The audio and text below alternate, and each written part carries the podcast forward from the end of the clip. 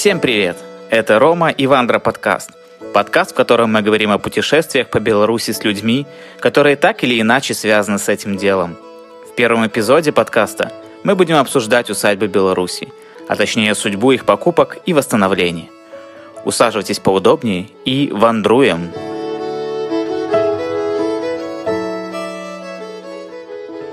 Откуда вообще появились усадьбы и что это? Зажиточные люди хотели красиво жить и, собственно, могли себе это позволить. Поэтому устроили добротные на ту эпоху дома. В зависимости от состояния и именитости родов, усадьбы отличались своим убранством. Например, у Пусловских это был дворец Подкосово, у Рейтанов – деревянная усадьба в Грушевке, а у Чуловских, слышали вообще про таких, небольшой домик в задворье, и он только колоннами на крыльце выдает свою причастность к истории – Явно там необычная селянская хата. Понятное дело, что очень многие усадьбы не сохранились. А тех, что дошли до наших дней, хорошенько так потрепала жизнь после оккупации в 1939 году. Итак, переносимся в поселок Желудок, где есть дворец Святополк Четвертинских. Масштабную стройку там затеяли в 1907 году. Явно фотки этого дворца видели в Инстаграме. Винтовая деревянная лестница внутри, а снаружи громоздкое светлое строение с фигурными карнизами и ядерного цвета крышей. Так вот, во время Второй мировой войны тут размещался военный госпиталь. В 60-е годы на этом месте располагалась военная часть, а прямо за дворцом стояла военная техника. Когда выйдет Half-Life 3 и что было во дворце с 83 по 91 год, тайны человечества. Свидетельства местных расходятся. Кто-то говорит, что там было производство военной оптики, кто-то, что хранилище для ракет – Однако документального подтверждения в открытом доступе нет. Но явно там не думалось про историю дворца. А вот усадьбу Потоцких в Березино отжали после Октябрьской революции. До 1970 года дворец использовался как средняя школа, а чуть позже как колхозный склад. А с 80-х здание постепенно разрушается. 40 лет, Карл! Тем не менее, в 2009 году Министерство культуры сделало попытку раскачать восстановление усадеб – а точнее составили список неиспользуемых объектов с исторической ценностью для продажи. Выставлено было 46 дворцов и усадеб, при этом цены не афишировали. Первый год Минкульт пыталась само продавать, но Хьюстону не их проблемы. За три года было продано только 8 объектов. После этого полномочия на продажу были переданы частным агентствам Сильван и Час Пик. Агентства тоже не сильно здорово продавали, Практика продажи за одну базовую никого не устраивала. В частности, директор агентства Сильван заявляла, что за одну базовую никто ничего не продает и продавать не будет. Мол, нет методики продаж, если и продадут, то вложить придется минимум 1 миллион и явно там не наших рублей, а покупать за существенные суммы и еще больше вкладывать немного кто хотел. Зачастую после покупки работы не проводились, усадьбы изымались и выставлялись на продажу заново. В то же время встречались кейсы с восстановительными работами. А некоторые, например, Майонток Подороск, восстанавливаются уже 8 лет. Мы же отобрали два проекта, о которых поговорим более подробно. Первый – это крайний на рынке и наиболее интригующий проект. Если в двух словах, Журналист Паша Добровольский вместе с ребятами собирали желающих повандровать раз в две недели. Да так навандровали, что купили на аукционе усадьбу в Мёрском районе. Собственно, мы и связались с Пашей, чтобы узнать, как так вышло с усадьбой и что с этим делать. Заранее прошу прощения за качество звука, мы будем над этим работать. Паш, привет. Расскажи, как так вышло, что катались с ребятами по Белоруссии, а по итогу купили усадьбу? Ну, как часто бывает, это абсолютно спонтанное решение. То есть мы увидели вот эту новость про проведение аукциона и решили съездить на него. То есть первое, что я узнал, это вот эти риски. Да, мы уточнили у организаторов аукциона риски, что нам грозит, если мы не выполняем обязательства. Эти риски нас устроили, то есть там незначительная сумма на случай, если у нас ничего не получится, мы выплачиваем. И поэтому почему бы не попробовать? То есть мы уже туда ездили несколько раз, три раза, если быть точным. 7 человек, 14 человек и 15 человек. И собрали 100, там где-то 40 мешков э, с строительным мусором, то есть такие огромные мешки там по метру. Это довольно много, это где-то четвертую часть мы уже сделали. Ну, сейчас уже зима, плюс я уехал временно э, в места потеплее. Ну и с весны надо продолжать. Со мной без меня там тоже люди есть, то есть с весны мы точно там будем заниматься этим. И в следующем году от мусора это все очистится. И параллельно уже будем искать деньги на проведение проекта, проектной работы и анализ несущей способности стен. Это нужно где-то несколько десятков тысяч долларов. Вот мы эту, эту сумму будем искать. Когда мы к ней придем, это уже весной где-то начнем заниматься, там в марте-апреле. А там уже тоже, наверное, придется как-то собирать э, эти деньги какими-то креативными методами. Вот. И как только эти э, работы будут завершены, только тогда нам разрешат э, вести какие-то работы уже на самом объекте строительные, потому что до того, как там не проанализировано аварийное здание, пока нет проекта, там нельзя ничего делать. Правильно ли я понимаю, что одним из условий покупки была коммерциализация проекта? Да, нам поставили такую задачу. Мы э, в течение года должны использовать для коммерческой деятельности. А думали уже над идеями, какой формат коммерческой деятельности планируется? Ну, спокойно можно, нет, не думали, спокойно можно там какую-то агросадьбу сделать, какие-то э, отельные там функции. Ну, это не проблема. А, то есть у нас задачи сейчас более такие а, приземленные. Это вот а, поиск денег на проект и а анализ аварийности здания. Только мы это сможем с этим справиться, потом уже года через там, 3-4 уже будет видно, какие там функции этому зданию mm-hmm. давать. А насколько много в усадьбе сохранилось интерьерных элементов? Ничего нет. То есть это здание, оно долгое время было то ли частью колхоза, то ли какой-то другого такого советского ведомства. И, конечно же, там уже на том этапе это все, скорее всего, краска обычная была заштукатурена. Mm-hmm. Сейчас это просто здание, которое не понимает, не знаю, разрушенную какую-то советскую больницу. Из нее очень сложно будет сделать, сложно будет сделать что-то такое достойное. Все будет полностью от себя цена, потому что нет ни, ни фотографий, ну, мало того, что ничего не сохранилось, так еще и нет фотографий, каких-то иллюстраций, интерьеров, да, то есть придется как-то это все э, додумывать, смотреть mm-hmm. на какие-то аналогичные усадьбы. Как вообще обстоят дела с потомками рода Рудницких? Находили ли каких-то наследников дворца? По какой-то иронии судьбы одна из девочек фолловит меня в Инстаграме. Вот у нее какая-то там дальняя, дальний родственник есть. И вот она, собственно, написала одному из них. Он в Литве живет, какой-то там бизнесмен. Он спросил, не из России ли я, и облегченно вздохнул, когда она ответила, что из Беларуси. Вот важно это было. Но вот их это не заинтересовало почему-то. Новость про покупку. Они как какой-то источник ценной информации дворце а, не подходят, потому что это не те люди, которые там провели детство, которые могут что-то вспомнить и так далее просто какие-то там, грубо говоря, сбоку припеку люди, которые прям непосредственно к дворцу отношения не имеют и помочь в плане там информационном никак не могут. А не было ли планов пойти по генеалогической составляющей, восстановить сам род Рудницких, э, найти потомков их? Возможно, у них будут какие-то воспоминания про дворец, чтобы восстановить общую картину я этим не занимался, у меня нет такого интереса заниматься изучением этого рода. Этот род мне чужой и никакого отношения ко мне не имеет. То есть у меня абсолютно другой интерес к этому зданию с какой-то там архитектурной точки зрения и лично моей. Если кто-то из них э, провел там детство, я думаю, они сами меня найдут, и мы будем рады. А так, даже если бы у меня такой интерес был, э, мне кажется, это довольно сложно и трудоемкий процесс находить каких-то людей, потому что у них и фамилии уже другие могут быть. Я не уверен, что стоит это тех денег и того потраченного времени, которое это займет.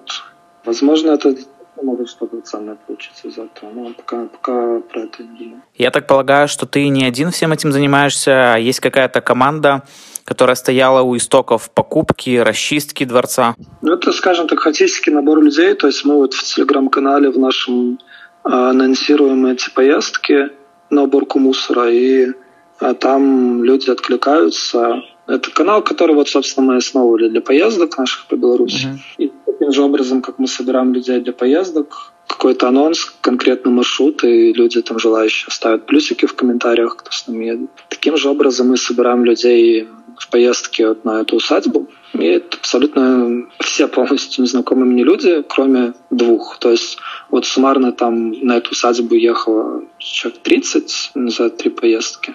Вот. Кто-то, конечно, все три раза, кто-то по одному разу. И вот из нескольких десятков человек всего лишь два человека, это мои знакомые, с которыми я там знаком несколько лет. Все остальное это абсолютно, ну, грубо говоря, левые мне люди до вот этих поездок, до этого сезона. В этом году была покупка, расчистка дворца. А какие вообще планы на следующий год, в частности, маркетинга? Пока голова была другим занята, и э, по мусору там а половина первого этажа из двух, даже меньше половины чуть-чуть. Э, плюс там еще подвал есть. Поэтому на уборку мусора там еще нужно, не знаю, поездок 10 э, организовывать. А это может уйти целый год. То есть там же мы людей так не соберем ездить каждую неделю. Такие поездки даже два раза в месяц сложно. Ну, раз в месяц вот мы ездили, потому что их надо как-то размежевывать еще с обычными поездками по стране. Поэтому весь целый год уйдет на, это, на эту уборку мусора. Ну и параллельно, да, я говорил, мы будем искать деньги на проект и на анализ аварийности здания. Как они будут собраны, от этого уже будем отскакивать. Пока заранее сложно это говорить. Когда начнем вот эти действия по поиску денег, вот тогда да, надо отдельно конкретно сесть, обдумывать вот эти всякие, может, каких-то креативных идей мы там придумываем. Потому что пока все, что обсуждалось, это так, просто на уровне идей. Мы пока этим не занимались, мы этим будем заниматься, естественно, только. Вот. Но пока проблем таких я не вижу особо. Делаем, идем, движемся как-то так по течению, как-то спокойно на душе, ничего такого. Сейчас есть аккаунт в Инсте и канал в Телеге, где собраны энтузиасты повандровать. А планируется ли вообще СММ непосредственно по дворцу? Либо все это будет на уже созданных страницах? Ну, вот тут у нас мнения разошлись, потому что какие-то ребята там даже уже успели сделать этот отдельный инстаграм-канал для дворца. Мне эта идея не понравилась. Я больше за то, чтобы это как-то было все в рамках этого клуба по путешествиям. Но это просто нужно отдельно продумывать. Мне пока не было вот такой задачи, потому что я это все оставил на весну. Собственно, а когда весна? Когда старт сезона? Ну, то есть там даже сейчас сложно в плане холода ездить, эти порядки наводить, поэтому это все зависит даже от погоды. Как только потеплее станет, чтобы было комфортно туда ездить, порядок наводить, тогда и можно туда продолжать ездить, например, с апреля.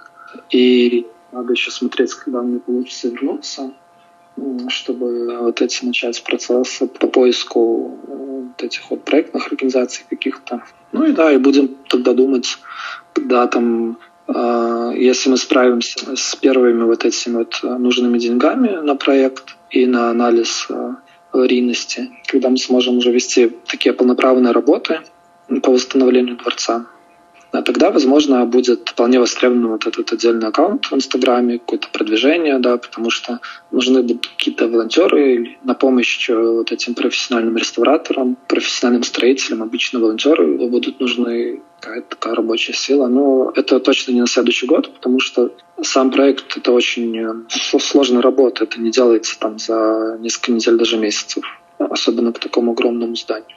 Поэтому даже если мы находим деньги уже там где-то в апреле, и заказываем этот проект. Его будут делать, мне кажется, прям долго. До осени в лучшем случае, может даже до зимы. И поэтому такие прям активные работы по самому восстановлению, если у нас будут деньги, они начнутся уже, наверное, на 23 году только. Как-то так. Класс. Надеюсь, задуманное реализуется и станет плацдармом для дальнейшей и более активной работы. Я делаем не просто на усадьбу, а как-то вот интегрируем с какими-то красивыми местами, поэтому это всегда интересно, потому что там очень много красоты вокруг, и водопад тот же навяется, и Леонополь очень красиво там, и Ведолцы красиво. Потом вот последнюю поездку на усадьбу мы нашли новое болото, оно называется Мох. В восторге, потому что про это место очень мало кто знает, и оно впечатлило меня гораздо больше, чем Ельня. Как-то так вот. Класс, Паша, спасибо за разговор. Да, тоже спасибо за проект. Дело хорошее, важное. Второй, самый медийный и наиболее интересный проект по восстановлению усадьбы, точнее дворца, происходит в деревне Полонечка Барановического района. Мы связались с Машей, которая с недавних пор менеджерит проект. Маша начинала знакомство с Полонечкой еще волонтером, поэтому истории у нее хватает. Мы будем говорить с ней о планах, продвижении и о том, что думают местные по поводу дворца. Маш, привет! Мы понимаем, что часть людей была в Полонечке, часть слышала что-то про нее, однако есть люди, которые вообще не в курсе, что это за деревня. Поэтому давай начнем наш разговор с того, что такое деревня Полонечка и о каком дворце будет идти речь. Хорошо. Э, значит, усадьба Полонечка расположена в 35 километрах от Барановичей, собственно, Барановичский сельсовет. Была построена во второй половине XVIII века князем Матеем Радивилом. Возможно, там существовал какой-то двор до этого, но никаких сведений, к сожалению, не сохранилось. Поэтому пока принято считать, что именно вот в XVIII веке Матей Радивил туда перебрался и, собственно, устроил себе резиденцию. Матей Радивил вообще был очень таким талантливым духовным человеком, то есть он был композитором. Он, кстати, автор либретто к опере «Агатка альбо приезд пана». Так что написал там несколько полонезов. Собственно, у нас есть такая традиция на субботниках танцевать полонезы. И особенно, вы знаете, чувствуется такая атмосфера, когда включаешь это, это ну, произведение и понимаешь, что вот прям внутри этого дворца сколько-то там лет назад вот этот вот человек писал его, то есть вдохновлялся теми же видами практически, что мы сейчас видим, да, чувствовал эту атмосферу этого места и также создавал здесь свое произведение. После смерти Матея Радивила, значит, унаследовал, собственно, его сын Константин Радивил. И он потратил буквально все свое наследство на то, чтобы перестроить э, дворцово-парковый ансамбль. И тогда вот комплекс, так сказать, был в своем самом расцвете сил. Он состоял из часовни усыпальницы, оранжереи. Собственно, вот дворец с двумя флигелями, которые сохранились. Осталась мельница, точнее ее развалины. И еще была въездная брама, но ее уже, к сожалению, тоже нет. После этого э, дворец дальше передавался по наследству, и последний его владелец э, Альберт Радивил прожил там до начала Первой мировой войны, и после этого дворец пустовал. В 40-е годы пережил очень сильный пожар. То есть э, было разрушено внутри очень много, не сохранилась лестница, не сохранился парадный зал. И поэтому э, со собственными силами э, жители деревни, окрестных деревень э, в 40-е годы его начали также восстанавливать. Как получилось, так восстановили. И после этого много лет там действовала школа-интернат, вплоть э, до 90-го года. Потом школу-интернат закрыли, и вот за 20 лет, больше 20 лет, э, мы имеем то, что имеем. Дворец развалился практически. Вот ты упоминала, что после пожара люди восстанавливали дворец своими силами. А ощущалось ли это восстановление, понимая, что люди были ограничены ресурсами и как такового исторического архитектурной экспертизы у них не было? Да, да, это очень заметно. То есть э, видно, что некоторые помещения перестроены именно для того, чтобы это были кабинеты для детей. Э, то есть какие-то, знаете, такие а фанерные стенки, очень тонкие, некачественные. Также штукатурка, э, даже по цветовой гамме это было вот очень заметно, что там была школа, то есть это такая а-ля зелено-розовые оттенки. Были также рисунки какие-то настенные, которые, видимо, рисовали, чтобы украсить как-то школу. Я так полагаю, что все наследие Советов с точки зрения планировки сейчас сносится и уже идет восстановление по временам Радивилов? Э, тут вопрос такой, что, что нету тоже четкого описания, нету ни одной фотографии внутри, где какая комната располагалась, то есть мы можем только примерно это предположить, но вообще, конечно, да. То есть мы знаем только то, что при входе, сразу как заходите, там была большая лестница, которая вела на второй этаж, но лестницу мы уже восстанавливать не будем. Э, но хорошая новость, сохранилась оригинальная плитка 19 века. Так что, когда заходите, можно обратить внимание на пол, посмотреть и понять, что вот эта плитка оригинальная. Класс, хоть что-то сохранилось из интерьеров. Я э, так понимаю, лет 20 дворец пустовал, и затем его пробуют покупать для восстановления. Да, да, в 2014 году его также выкупали, но тогда не нашлось инвесторов, не хватило средств и сил, и дворец вернули обратно. Была попытка, не получилось, вернули, выставили заново на аукцион, и в какой-то момент его покупают уже текущие владельцы, так? В прошлом декабре купила семейная пара из Минска, и теперь все совместными усилиями пытаемся поднять. Определенно идея хорошая, полезная, но, думаю, многие спросят, ну вот купили, восстановите, а что будет потом? Вообще, какая цель была этой покупки? Ну, здесь такой вот у нас э, простой ответ. То есть мы хотим возродить то, что было при Константине Радивиле, когда это был центр культурной жизни, когда туда съезжалась шляхта, съезжались поэты, э, художники. И то есть ну, там могли проводиться долгие вечера, беседы, балы. Вот тоже мы пытаемся сейчас сделать, чтобы люди сами туда приезжали, чтобы они могли показать свои таланты, умения. То есть, чтобы это не было, знаете, музейная комната, куда заходите и думаете, о боже, когда экскурсия закончится, где там сувенирная лавка, хочу быстрее дойти. А именно, чтобы это было живое место, куда будут приезжать, и уже приезжают люди, где показывают свои таланты. Ну, то есть э, у нас э, было уже несколько выставок, э, приезжали молодые художницы из Минска. К нам приезжала также девушка, она занимается народными песнями, проводила такой мини-концерт. Это, это просто потрясающе. Вот представляете, что ну, осознаешь, что вот 200 там, лет назад сюда также съезжались люди, также проводились мероприятия, которые вдохновляли других людей. Вообще, ну вот э, Радивиллы также помогали жителям деревни, да, чтобы проводить среди них образование, э, строили школы, ну, то есть повышали их уровень, так сказать. Угу, понятно. Однако восстановление дворца – это однозначно вопрос финансов. Дворец большой, работы много, денег тоже нужно немало. Поэтому логичный вопрос, как вообще устроено финансирование проекта и откуда, собственно, деньги? Э, у нас нет никаких инвесторов, у нас нет источников постоянного финансирования. То есть все деньги, что есть, это именно люди, сами люди, которые благотворительностью жертвуют какую-то сумму. То есть у нас уже один раз проходила акция «Меняем чашку кофе на дворец». Сейчас мы ее также повторяем. Нам нужно опять собрать 22 тысячи э, рублей для архитектурно-планировочных решений. То есть работает сейчас команда архитекторов — и, собственно, для них нужно собрать 22 тысячи рублей. Вот. На данный момент собрано, наверное, чуть более трех тысяч белорусских рублей. Поэтому ну, закончим эту акцию, соберем на этот этап работы и уже будем дальше смотреть вперед и думать, что же придумать, как людей вдохновить на то, чтобы дальше совместными усилиями все это поднимать. Сейчас, как я понимаю, ключевой вопрос связан с архитектурой и планировкой. А какие еще работы планируются в приоритете, в частности, на следующий год? Сейчас, да, мы работаем, как уже сказала, над архитектурно-планировочными решениями. Также сейчас вот одна из текущих задач — это, собственно, освещение дворца. Мы ищем желтый свет, чтобы подсветить дворец красиво, чтобы вечером проезжающие люди также могли любоваться его величием. Также должны приехать еще археологи, э, посмотреть, что там да как. У нас же также находится недалеко гробница-усыпальница, точнее то, что от нее осталось. Возможно, там тоже остались какие-то захоронения радивилов, потому что есть сведения, да, что они там, зах... э, там были захоронения, что потом с ними случилось, неизвестно.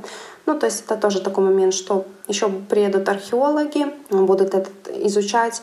Дальше есть вопрос э, по правому флигелю дворца. Он находится в аварийном состоянии. И неизвестно, что с ним будет. Возможно, будет снос. Э, возможно, его будут как-то укреплять и перестраивать. Ну, э, моментов очень много, поэтому мы остановимся на том, чтобы разбить всю работу по каким-то этапам. Первый этап мы завершили. Сейчас работаем над вторым, сосредоточились на нем — собираем деньги на него и потом уже идем к следующему. Ты говорила, что первый этап уже завершен, а что вообще в принципе было сделано в 2021 году? Ну вот, а, собственно, у нас прошел этап проекта обследовательских работ. Это все технические обследования здания, то есть в каком оно состоянии, оценивали комнаты, оценивали подвалы, проводку, канализацию, все, что там есть, все, что было. Конечно же, самая большая часть, что мы сделали вместе с волонтерами совместно, это расчистили дворец от грязи и мусора, потому что внутри, ну, представляете, 20 лет дворец стоял в запустении. что с ним случилось, все случилось очень плохо. То есть там было огромное количество бутылок, э, окурков, всего-всего. Весь, то есть весь мусор, который могли из деревни снести, его, видимо, туда снесли. Рабочие также снимали старую штукатурку со стен, старые перекрытия, вот эти все доски ненужные, гвозди, все это все это совместными, опять же, усилиями, благодаря помощи волонтерам за несколько субботников, ну, за все лето и сентябрь. Это все было убрано, расчищено. Также в одном из подвалов там даже докопались, так сказать, до самого пола. Счастья вообще не было предела. Вот, ну, то есть было на 2001 год сделано самых два важных момента. Это техническое обследование здания и, то есть, уборка, расчистка территории вокруг дворца и внутри, потому что все это было в очень плохом, плачевном состоянии. Покос травы, даже э, спиливание старых деревьев — это все кажется, да, что вот как бы мелочь, но занимает, конечно, очень много времени, когда 20 лет это никому не было нужным. И за один год вот мы постарались это все сделать. Упоминалась акция с кофе только, но явно хватало всяких активностей еще в течение года. Поэтому расскажи еще, какие активности делались внутри проекта. Ну вот э, самая э, наша вот масштабная первая акция, это как раз-таки единственная пока что «Меняю чашку кофе на дворец». Также вот до такой, сказать, финансовой акции это именно идея с тем, чтобы создать субботники, толоку, как мы их называем, да, чтобы люди приезжали и своими силами, во-первых, помогали, но, во-вторых, чтобы уже начиналось э, то движение, именно с людьми, когда люди приезжают, общаются, знакомятся. Вот это, надо сказать, ну вот это все-таки самая первая идея — объединять людей. И она дала хороший старт да, для того же Инстаграма. То есть э, э, сарафанное радио вообще лучшая реклама. Люди просто передавали друг другу о том, что вот есть такой классный проект. В следующий раз они приезжали с одним другом, на следующий субботник уже с двумя. На следующий субботник эти два друга привозили еще несколько друзей. И получалось, что иногда у нас на субботниках было по 60 человек, по 70 человек. То есть в течение дня просто приезжают, приезжают. Также приезжали люди, допустим, мимо проезжают, такие, так, а что это за движ такой? Пойду-ка я проверю. То есть люди сами приходили. Вот помню хорошо, у нас был, э, как-то проезжал мужчина с семьей, он подошел, познакомился, узнал, что такое. И уже на следующей субботнике я его встречаю. Он говорит, да, вот спасибо, э, я познакомился, мне очень понравился.